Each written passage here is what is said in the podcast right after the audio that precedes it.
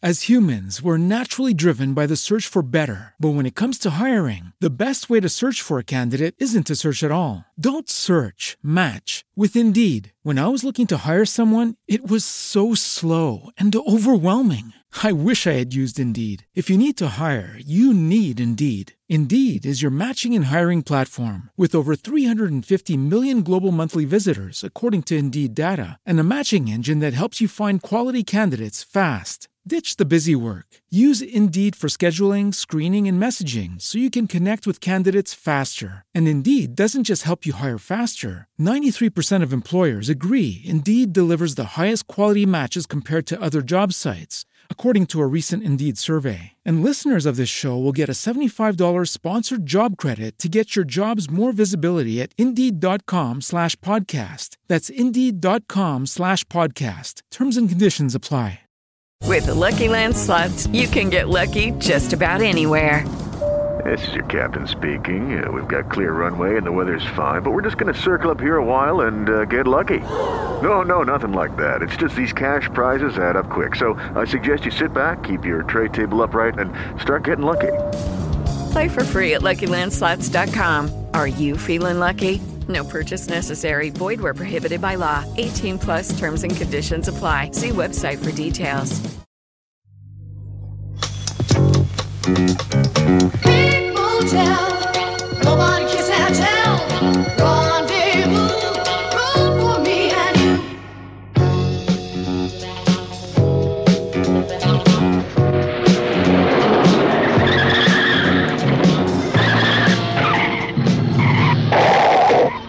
Pink Motel.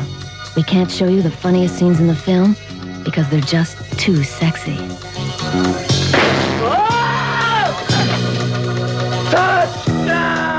Pink Motel. Totally physical. Lunch Wagon, a feast for the eyes, a movie worth singing about. It's uplifting, it's delicious, it's ahead of its time. How are we gonna get $250? Just grab his dipstick. A comedy that'll grab you everywhere. She'll be back as long as it takes five people to down a bottle of tequila. Lunch Wagon, you're gonna eat it up. Well, what, what happens here now? This is it. All right, this is it. Doing it with Mike Sacks. I'm Rob Schulte, and this week, Mike is on a vision quest in the Potomac, Maryland woods. He's following the map he drew in his dream journal and wearing a robe that's just a hair too short. So I'll be filling in for Mike as we take this fantastic journey. We have an incredible guest today, Jen Statsky, writer of Broad City, Late Night with Jimmy Fallon, Parks and Rec, and just so much more. Okay, so when Mike asked me to host this week, I thought I'd give the babbling segment my own little spin.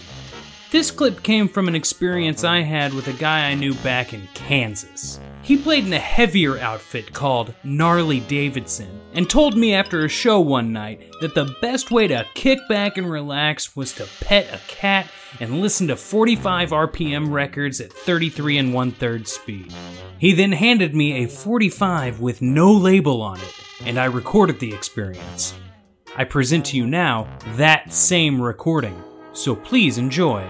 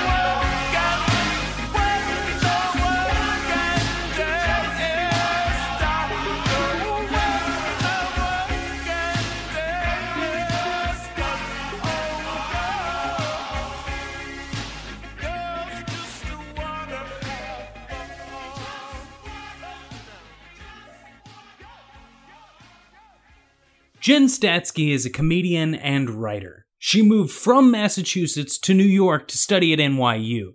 She attended the Tisch School of the Arts, where she studied film and television, and in 2011 she was approached through Twitter to write for Late Night with Jimmy Fallon. She then went on to write for Hello Ladies, Parks and Rec, Broad City, and most recently the Netflix original series Lady Dynamite. She is incredibly talented and very, very funny. Here's her interview with Mike.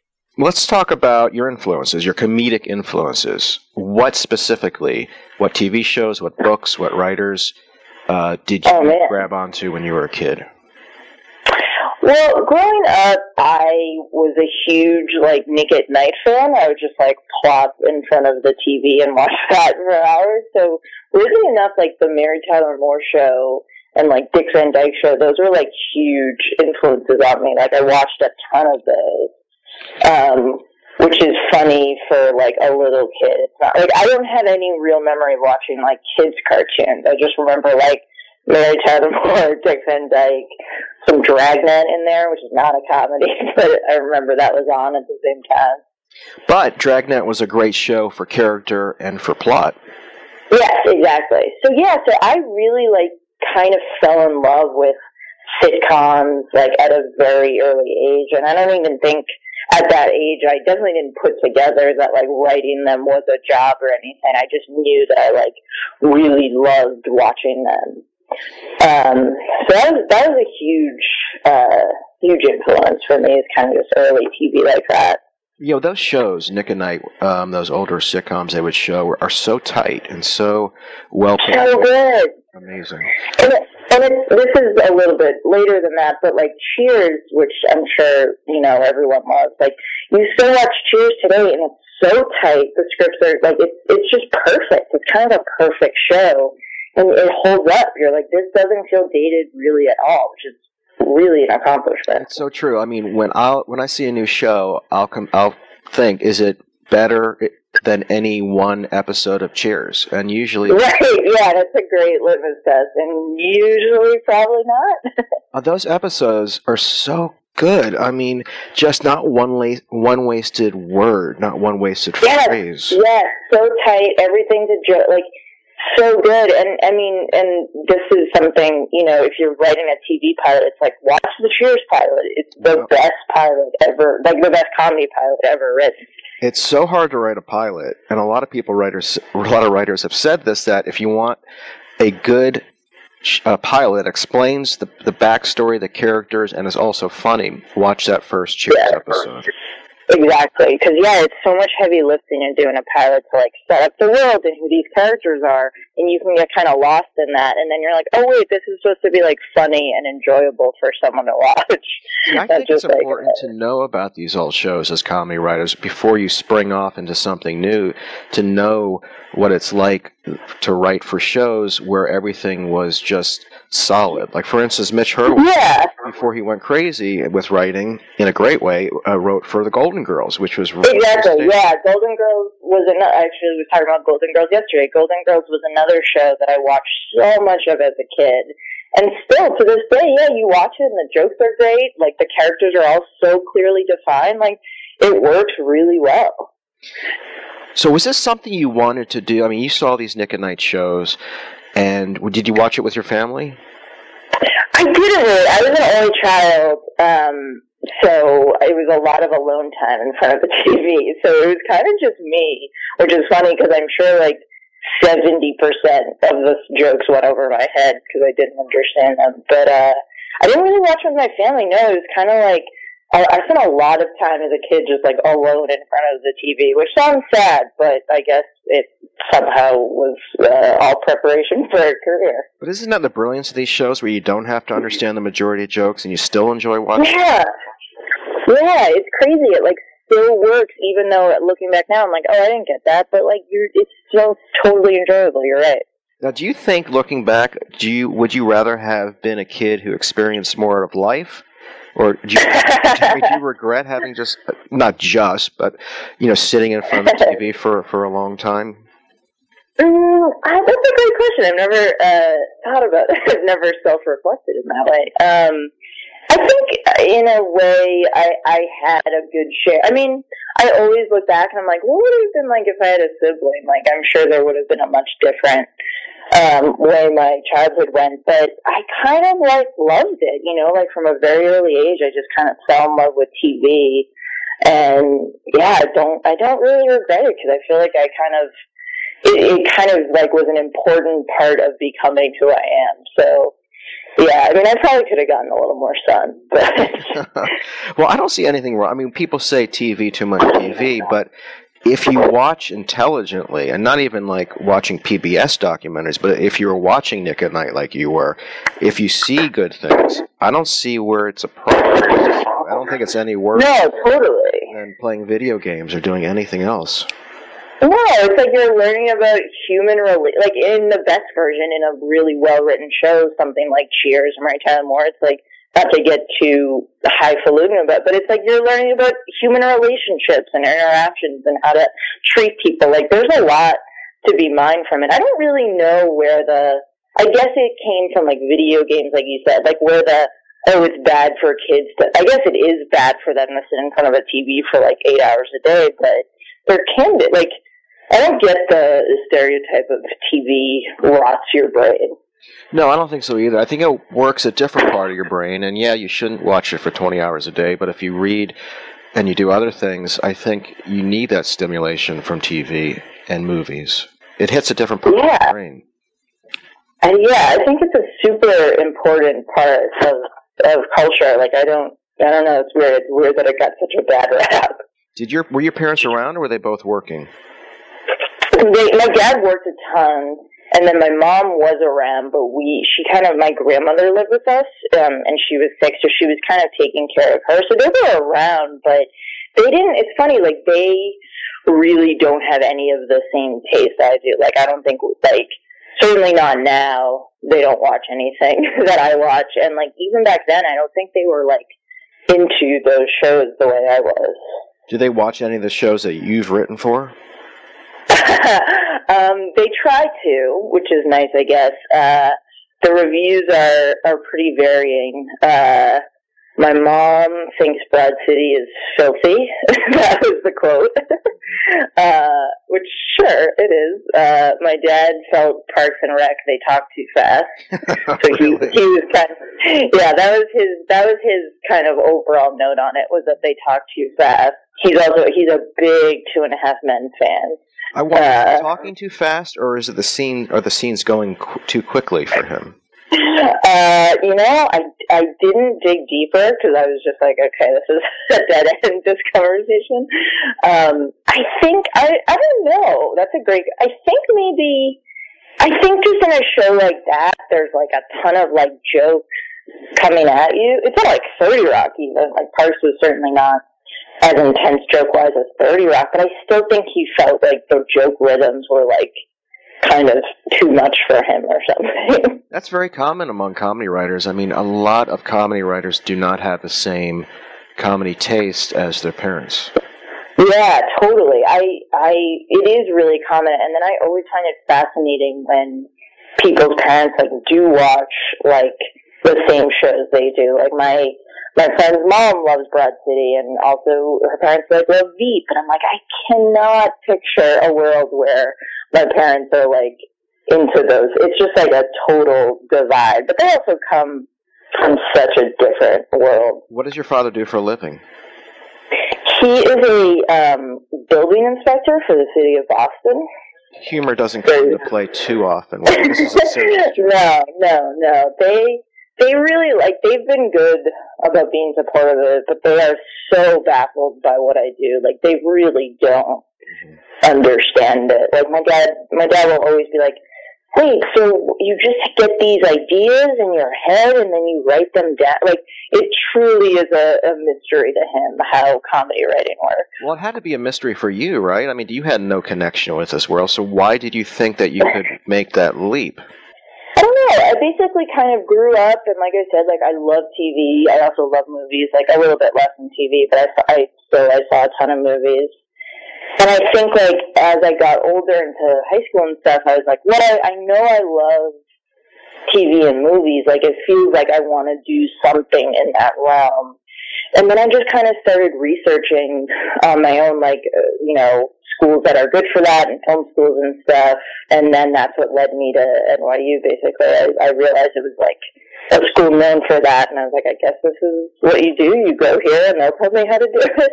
I wonder if the the leap seems more doable now because when I uh, was going to high school, junior high school, there was no internet, and it, it seemed like right. It was. I might as might as well have taken place on the moon. Like I had no idea how to go from. point Yeah, that's a that's a great point. Like, I mean, I was so lucky, and especially even now, it's probably it's like someone can listen to this podcast and be like, "Oh, that's how they did it. That's how they did it." Um, but yeah, I was super lucky to have the internet. It gave info, like, because I don't think even like my high school was fine, but I don't think my guidance counselors like really knew that much about it either. But so it was all just me researching, and yeah, that's a great point. That 20, 30 years ago, how would you know how to do that?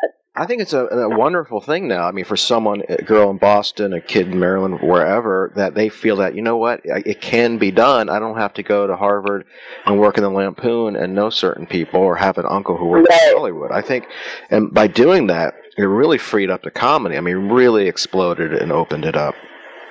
Yeah, it is. It's really cool. It's like because you do get a sense. It's like when you look back years ago, you're like, oh, that writer was the daughter of that writer who is the son of. You know, it's like it was. It had to be. You had to be grandfathered into the system of Hollywood a bit and kind of live there. And so now it's like, yeah, like you said, you can be any kid from anywhere and find a way into it. So when did you start writing for Twitter? What year? Um, I think I joined in 2009, uh, end of 2009. I interviewed Megan Amram the other day, and I think sh- there's a similar case there where you came on and you were doing great work for Twitter at a very special, interesting time where it was being noticed. I don't know if that's the case anymore with Twitter. I don't think, yeah, it's, I feel like, and I'm sure Megan feels the same, like, I feel so, so lucky because I think I just, like, kind of hit this, like, like you said, this exact time where Twitter was still new and people were like, oh, what, you can write jokes? That's interesting. And there was a lot of attention on it. And I mean, I really do owe my, a lot of my career to Twitter. And I don't think, I think in the last few years that has really died down. I think there was this boom of people like getting noticed off Twitter and getting jobs off Twitter. And I do think that has kind of declined. Um, but yeah. I wonder if we'll look back on it in 10 years as almost like we look back in the 70s CB craze, where it's just like so dated and so. Right, right. You know. Yeah, it is because even now it seems it's funny. It's like no one thinks of Twitter like that anymore. I don't. I mean, maybe a few people do, but it does seem almost absurd that this like weird website where people were writing like one-liner jokes was a place that people were like, "We got to get this Twitter person. We got to get this person on staff." Like it seems kind of crazy. So what was? But I'm very thankful it happened. So what was the impetus for you? You you just had fun writing these type of jokes, and you felt that this was a good vehicle to get your ideas out there.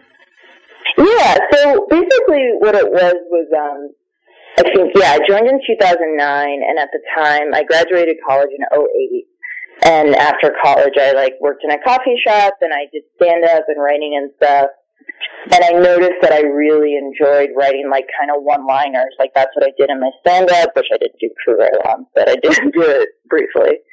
Um, and then I also was freelancing for The Onion, writing headlines, which was also like just, you know, one liner short jokes. And I was like, this feels like the thing that I'm better at. Like I tried to do sketches and stuff and take like a sketch writing class at UCB and I was like, oh, this, I'm not good at this.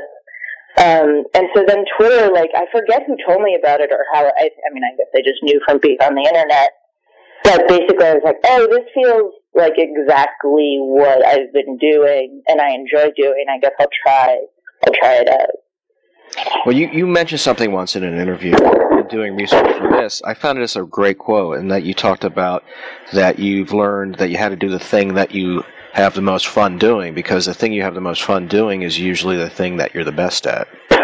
Yeah, yeah, that is uh, something I I find to be so true. Like, uh, there's just kind of like a something just clicks when you like write a joke and you feel good about it, and it's like the right thing that you should be doing.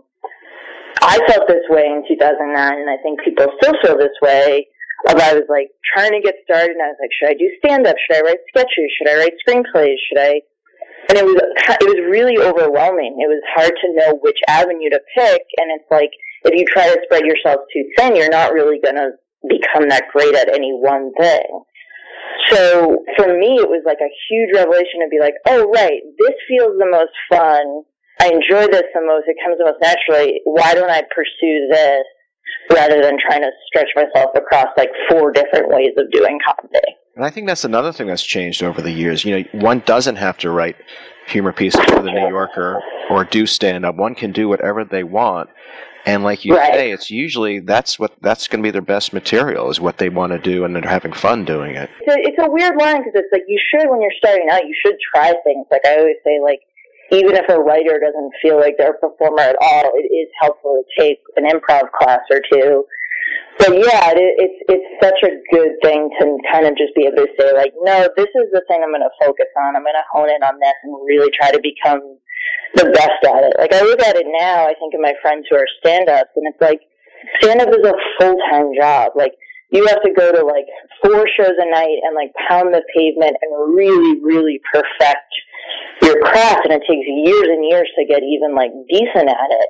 And I'm like, oh yeah, I was just trying to do it on the side, casually. Like it just, you know, it's it's so hard to pick a thing, but I think once you do, that's when things kind of like crystallize for you. Right, and you don't have to feel guilty for not pounding the pavement and hitting the the clubs every night. Right, exactly. Right. There's a lot of like, I remember that too, like a lot of self hatred of like, oh, I should be writing, oh, I should be doing a show. Like, it can get to be really overwhelming. So how did you make the leap from Twitter to late night? I was working at The Onion at the time. I was freelancing as a headline writer, and then I was also the writer's assistant for these short-lived shows we did for Comedy Central and IFC. I don't know if you remember them. Not many people do. What were the names of the shows?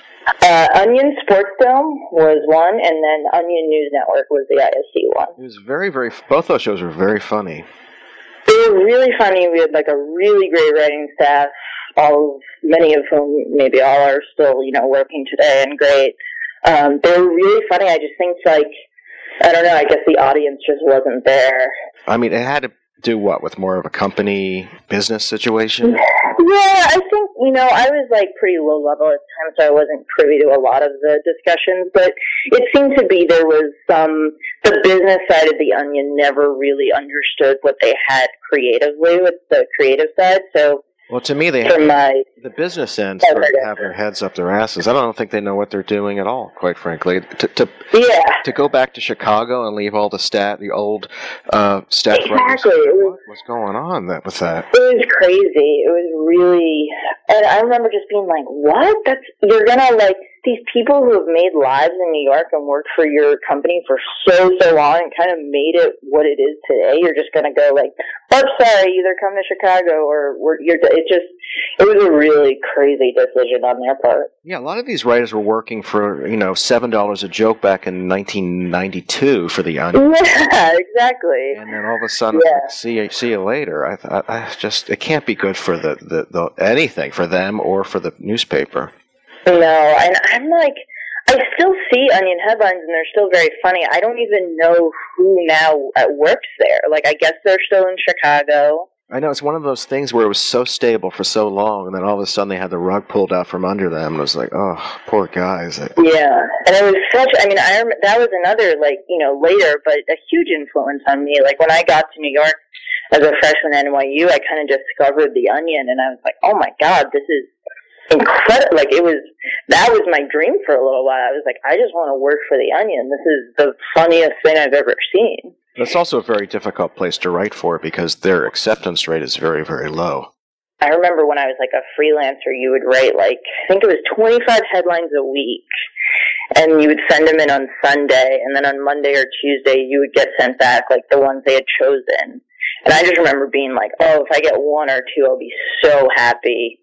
Uh, yeah, it was always it was always tough. So but um, a freedom for the tw- for Twitter in that you could just put up whatever you wanted whenever you wanted. Yeah, you could just throw whatever garbage you wanted out there. Um, it's funny. I like recently went and like looked back at some really old tweets, like back from 2010, 2009, and I was like, wow, really wasn't aware of the process of self editing at the time. Why they were too long, Um, even for the 160. No, not too long, just like too many, too tweeting too often, kind of just like not funny. Like, I mean, it was it was comforting in a way to be like, I guess I've become a better writer as I've worked at it, but it was still like pretty terrifying overall. So do you think some of the jokes didn't need to be as wordy? Yeah, there was definitely. I mean, and I think this ties into the question you asked. Like, even when I got to late night and I started as a monologue writer, I look at the jokes I wrote as a monologue writer when I first got there, and I'm like, this needs to be half. Of, like, this needs to be cut in half. This is so wordy. And it's like, you know, obviously brevity in writing is always good, but particularly in monologue jokes, that's like such a huge part of it. Um, so yeah, I definitely at the time was not also aware of like the economy of words and trying to keep things tight.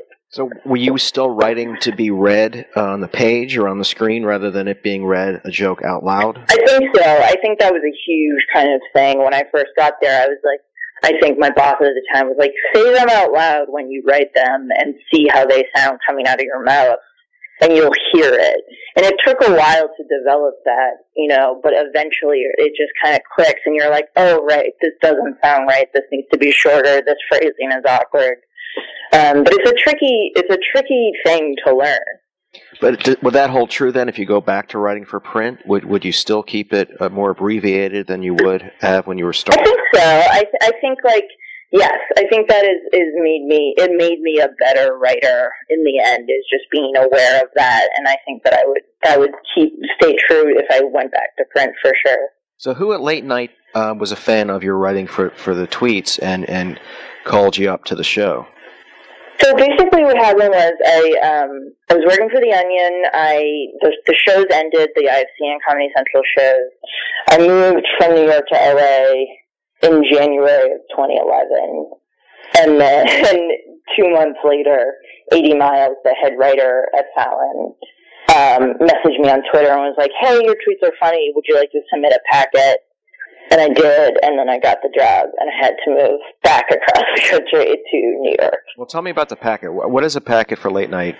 Uh, So Packet, at the time, I, I actually was hired as a sketch writer there, and then kind of tr- transitioned over to monologue, um, both because that's what I was better at, and I was like, oh, I've never written a sketch, really, and I don't like this, I don't want to do this. Um, so what I submitted was a sketch packet, which was basically, um, it was, I think, 10 to 15 kind of sketch ideas bits that they would do on the show, and you just write like a paragraph for each of what the bit is and kind of what some jokes in it would be, and and yeah, that I think that was the full packet at the time. Oh, and then also thank you notes. There, that was they were already doing that um, that bit at the time, and now you had to write like ten thank you notes. I think. so how long did it take once you submitted it to be for it to have been read and then that you were, you were accepted for the job?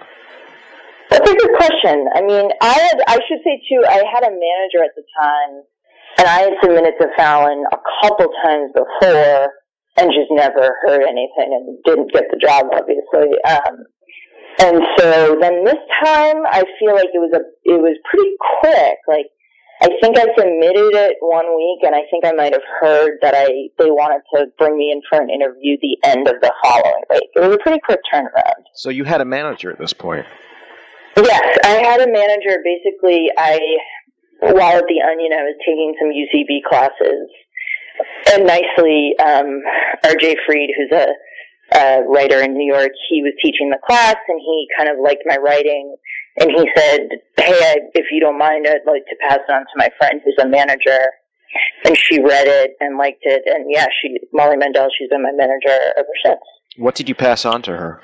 McSweeney's pieces, kind of a collection of my Onion headlines I had gotten in. Might have been like a short, a sketch from uh, NYU, like during my writing days at NYU. Something from a little, something a little more long form. I think it was a sketch or a short film.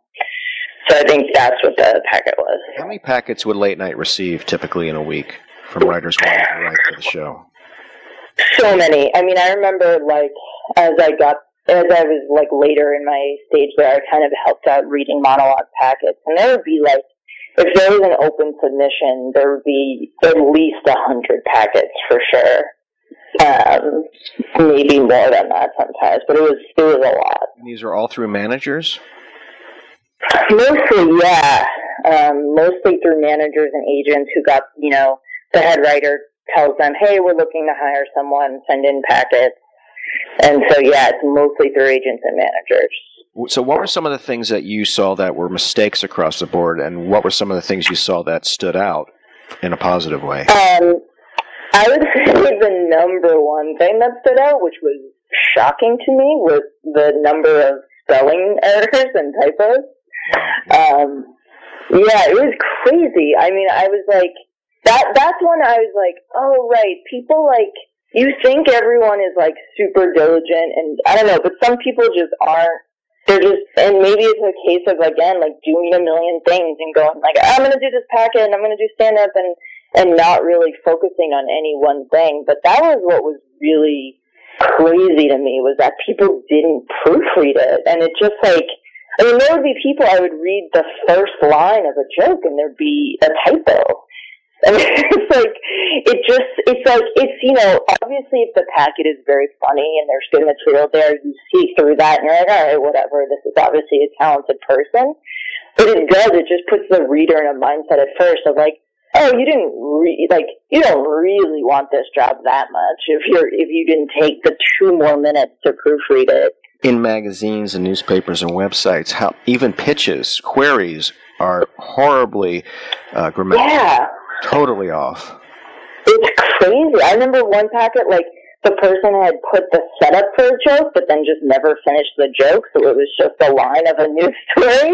And I was like, what are you doing? Like, you gotta give it five more minutes. Like, it's really, so that was, like, really shocking to me. And beyond that, it was just the strength of the jokes.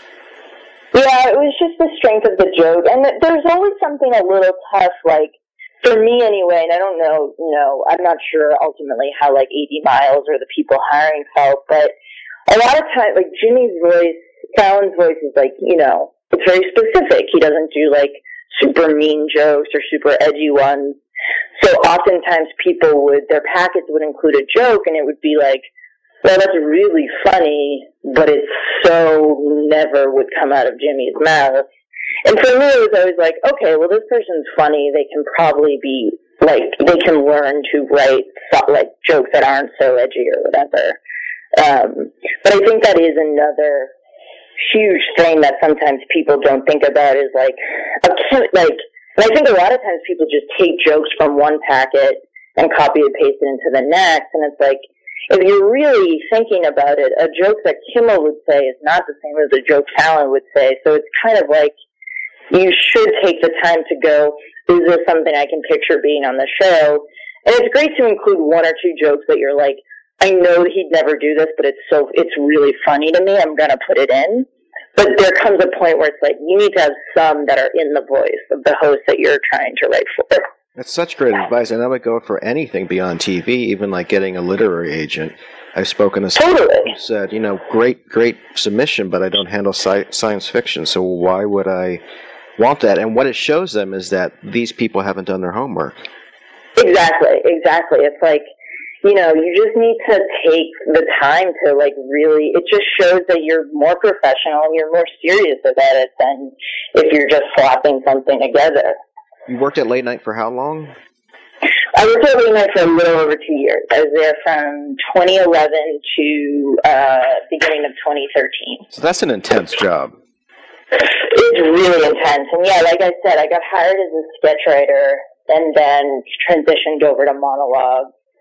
And it's really intense. You write like, you know, 80 to 100 jokes a day. 99% of them go in the trash at the end of the day, and it's pretty demoralizing. Wait, when you say Um, each person writes a hundred jokes, Yeah, a a hundred might be on the high end. Um, I would say we had during the bulk of the time I was there, we had like five or six writers all writing like sixty to eighty jokes. So that's a huge, huge number of jokes that are being submitted. And it was crazy. And he, you know, at the time, I know he does a longer one now that it's the Tonight Show, but at the time we were doing a nine joke monologue. So there's just so few spots for people to get a joke in. So it was really, it was really intense and it, it was crazy. But how do you do that? How do you write 60 jokes per day when you well, I, I will say they were not 60 good jokes per day.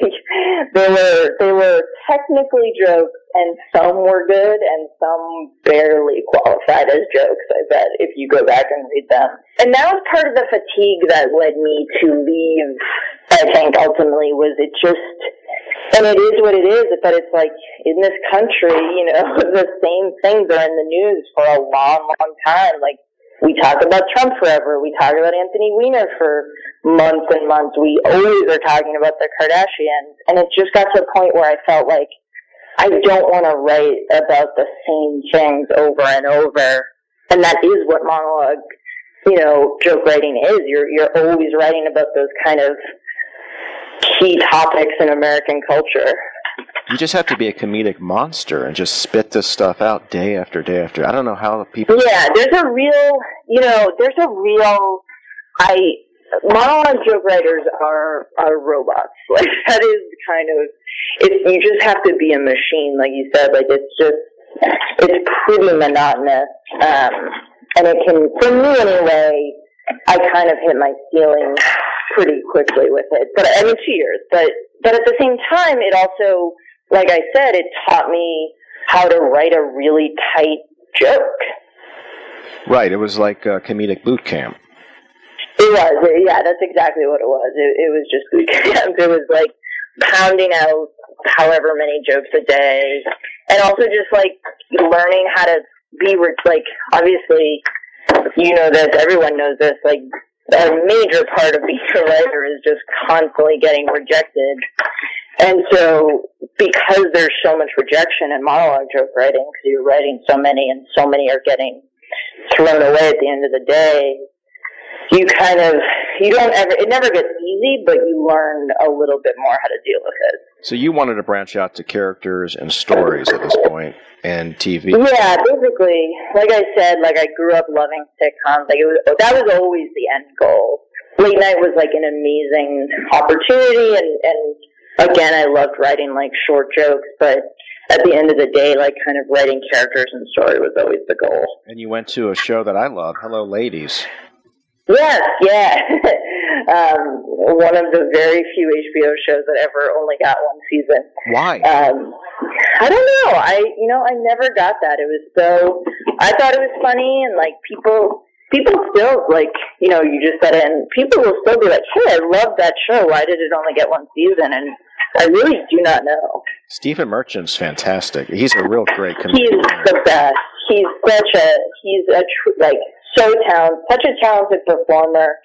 And you know he wrote he was in the writers' room every single day. He wrote half of the episodes. He's such a great writer too. Like he's so skilled at many things. Well, he co-wrote the original Office, which is a piece of art. Yeah, yeah. He's just a a, a monster comedy genius. He's really talented. What, what did you need to submit for Hello Ladies? Was it a sample script? Um, yeah, I, it was. I think I had written. You know, I think now people only really want to see original pilots, but at the time, I think I'd written a, a spec episode of Happy Endings. I don't know if you remember that show. Um, it was a it was this ABC show with like Adam Pally and Casey Wilson that was really really funny, kind of a cult hit, I guess. It never really got huge ratings. Um, but I wrote a spec of that, and then I wrote, and then I think also the McSweeney stuff. Again, those short pieces. Um, people like people are lazy and they love uh, if they can read anything short. So I think people always are like, "Ooh, a McSweeney thing. It's a page versus a 32 page script." That surprises me because um, to make that leap from a, a print to TV usually is impossible. Yeah, I think what it is is when you're a staff, and I was at this point, I was just being hired as like a staff writer, kind of the lowest level on staff. And I think showrunners, they're you know, everyone might be different, but I think the general thing across the board I've seen is that they just want someone who's funny and who can write a joke because story is something you kind of can be taught and pick up along the way. Like, if you already know how to write a fully formed story and script, that's great. But if it's someone who's like funny and has kind of raw talent, but maybe has a little to learn in the way of story, I think when it's a staff writer, showrunners are kind of like, okay, we can, they can learn that. They're not here to do the heavy lifting story wise. That's interesting. So, in other words, you're given some leeway.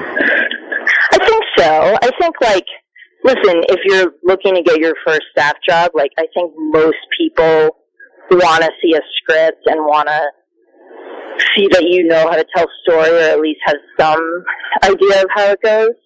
So I think you do have to write an original script or even a spec, but I think there is some leeway there when it's a lower level position. All right, let's talk about Lady Dynamite with, with Maria Bamford, which is Yeah. really, really great. It's very Oh, thank you. And it it's weird. it's weird, but it, it I mean you're dealing it's almost like 3D chess, not that I can play that, but you're dealing with different time elements. Yeah, it was really, I mean, it was such an ambitious show, and I give so much credit to Mitch Hurwitz and Pam Brady and Maria, because, like, when I came on board, which I think was the beginning of 2015, is when we started writing, they had a really fleshed out idea of, like, we want to tell these stories. They're going to be three different time periods. You're going to cut in between them. And, you know, when we wrote them, it was even, like, the voiceover and title cards, I think, came a little later. Like, when we were writing them, it was really even more just, like, cutting in between time periods without much of an indicator of where you were. So it was a really ambitious show. And, like, there would be times we'd be writing, and I'd be like, what time period? Is this a past? Is this a present? What's happening? Um, Right, and if but yeah, I mean, confused, then the viewers will be confused. yeah, exactly. But um, but yeah, it was so. I think it like you know I'm very proud of how it turned out. And again, like so much of it is kind of the genius of Pam and Mitch and Maria. Like three very weird minds. And like again, the word genius is thrown out a lot, and in, in a way that is kind of makes it mean nothing anymore. But I really do think the three of them have like a very specific type of genius that molded together in this perfect way. Right. Sometimes those geniuses um, bounce off each other and don't wend, you know, don't work together too well. But this Exactly. Yeah. Yeah. How does it differ writing for a Netflix um, for Netflix rather than NBC? Are you given more leeway? Yeah. Um. Well, it's interesting. I think that I, you know, I came onto Parks and Rec in season six, and so the show was pretty established. Um, obviously, it, like Mike knew exact, Mike and Amy and everyone knew exactly what the show was and what they were doing. So I kind of came on and and didn't really ever like NBC was always just like very supportive of the show, but also like not you know meddling too much. So I I don't really have any of the network horror stories that um, a lot of people have because Mike was already kind of established and knew what he was doing. So I think it was I was protected a little bit in that way. Um, but I will say that Netflix is very, very like, do your thing. They give notes, but they're like good notes. They're smart and like really, they're very supportive of like creative vision and stuff. And it was really cool to work with them in that way. Well, Netflix is known to, to collect a tremendous amount of data. So I'm wondering if that data is, is a part of their notes. For instance, if they know a certain segment of the population is watching the show, will they try to tailor certain jokes and storylines to that segment? Right, right. That's interesting. I, you know, it'll be interesting to see if we get a season two, if that comes into play. They, they seem to be pretty tight-lipped about the data. Like, I think they famously don't tell you how many people are watching your show. No, but they Um, they they know, they know, they know everything. They know to the, like the second of when someone stops watching, when they fast forward, when they, like, they, they know so much more than your average network does just with like Nielsen ratings. But it seems like for they don't really. I don't know. It's it's funny. They don't really want people to know it. Yeah, I've always thought Nielsen ratings are bullshit. Uh, but with this, with Netflix and other online, they know precisely what's going on at every, Yeah. every episode. But I wonder what it will take to get renewed. I mean, it, does it come down to how many people watch? I that's another thing that I'm I'm really curious to know because part of me thinks they work kind of like in HBO where it's about how many people watch, but at the same time it's about the critical acclaim. Like, you know, I don't think Girls gets many viewers, but obviously it was such a huge criti- critical success when it came out. So I'm not really sure because on one hand, I know that you know we we were treated pretty generously in the press. Like people seem to be really into it, and the reviews are all really positive. But on the other hand, I'm like, I don't know how many people across the country are watching this because it's so weird. like it's certainly not for everyone.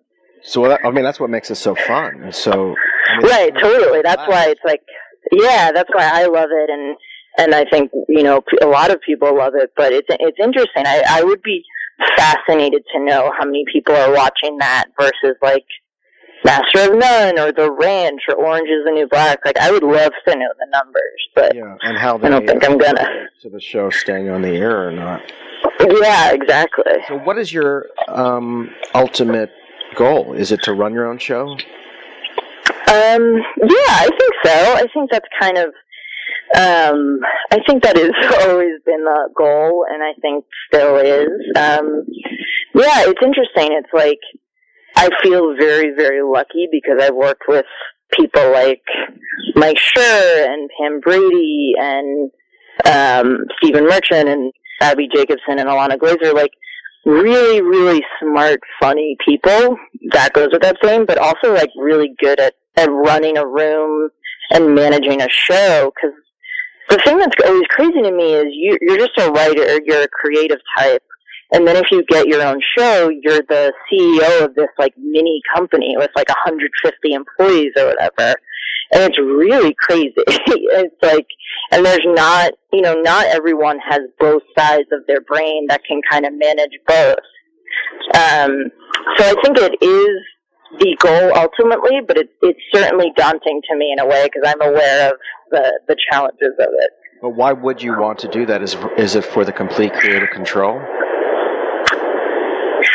I guess. I think it's like I think it's uh I think it's yeah, basically if if you have an idea and you want that idea to be realized and out in the world in in the way that you see it, you kind of have to create it cuz you know, at the end of the day, I feel lucky to have had a voice in Lady Dynamite or Broad City or Parks, but at the end of the day, it, it's those people's show, and you have to be respectful of that. Like, if if one if the showrunner wants to do something and I don't agree with it, which luckily doesn't happen that much because I work with people that I really trust and kind of am on the same page with, but if I didn't disagree, it's like you can maybe voice that, you can pitch an alternative solution, but at the end of the day, they're going to do it's their show and, and they're going to do it, and that's that's just the way it is. And so, I think if you have an idea that you really want to see out in the world, that's you got to create it yourself.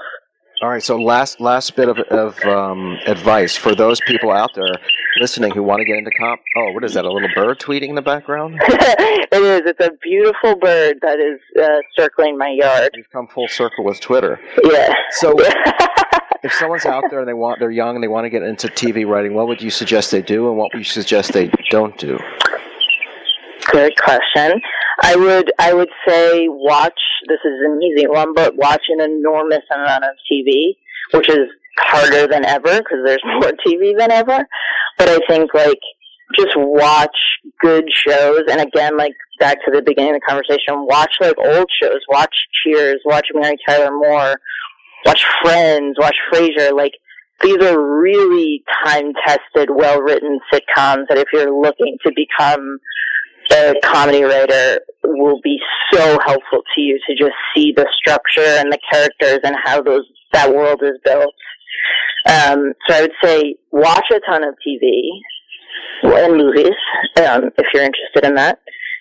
And I would say, I mean, I'm going to recycle advice, but I think it's good advice, which is that you know there's so much pressure to do a million different things, but and you should try each thing but try to listen and pay attention to the thing that feels that kind of like there's a weird uh, like silent rhythm in comedy. I always feel like where you just hear something click, like if a joke works, uh, you hear it and you're or you feel it a little bit.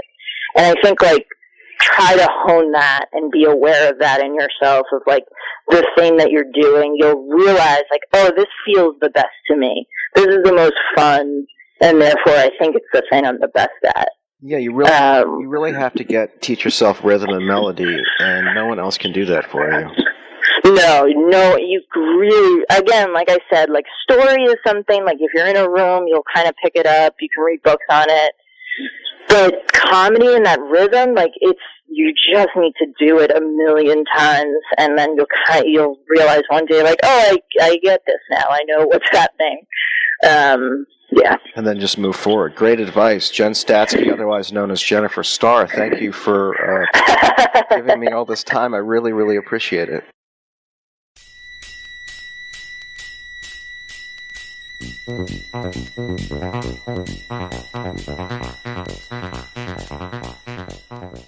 That's it for the 444th episode of Doing It with Mike Sacks. Here's a few highlights from the upcoming episodes. Mike will be talking to Judge John R. Rodgman about his ironic mustache and his never give up attitude towards cracking open a coconut. Two Step Lucy will be here again to show off her verbal dexterity while chewing on a Twizzler, but not with her mouth. Mike talks about his updated version of Homer's The Odyssey, where it all takes place in a young autistic child's mind. Mike gets a second opinion on the results of his STD test. The doctors agreed to discuss this on Mike at our pop up studio outside of the News Corp building. I, Rob Schulte, will be showcasing a hard hitting segment where I interview the creators of the early 90s Looney Tunes clothing line. Whose idea was it to have Bugs and Taz on the front and the back of the shirts? Tune in. And finally, don't miss our newest segment, Pick of the Week, where we tell you exactly which small town kickball team will take it just a little too serious, deflect, and then start their own tetherball league. It's gonna be great.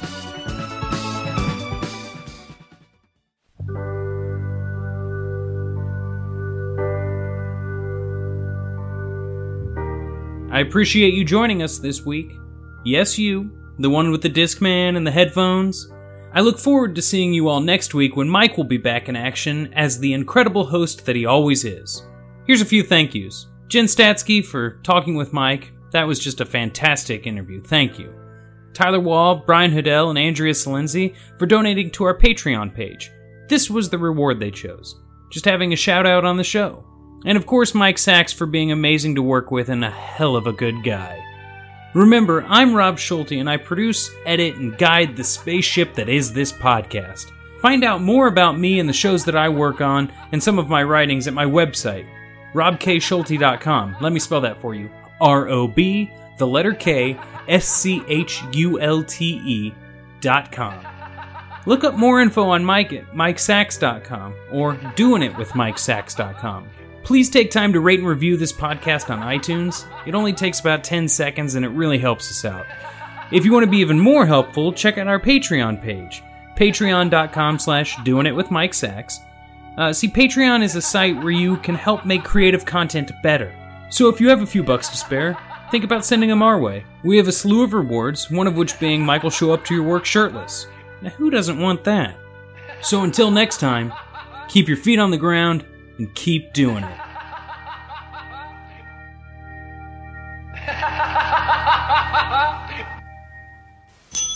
Why did we come here in the first place? Hmm?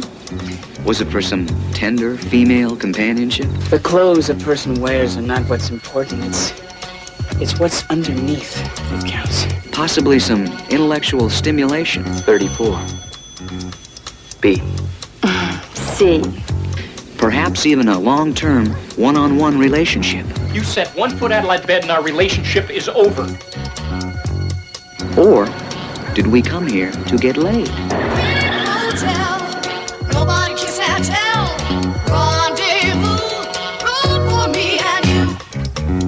All sorts of people come to the motel for all sorts of reasons. And they get to know each other. in all sorts of ways. Nobody can tell. Rendezvous, room for me and you. Kind of special. Some things can't be explained with the inadequacies of simple speech. It goes far deeper than that. Check in for the night tonight. But don't expect any sleep. It's happening so fast at the big motel. Nobody can tell. Okay, round two. Name something that's not boring. A laundry? Ooh, a book club. Computer solitaire, huh? Ah, sorry, we were looking for Chumba Casino. That's right. ChumbaCasino.com has over 100 casino style games. Join today and play for free for your chance to redeem some serious prizes. ChumbaCasino.com. No purchase necessary. Where prohibited by law. 18 plus terms and conditions apply. See website for details.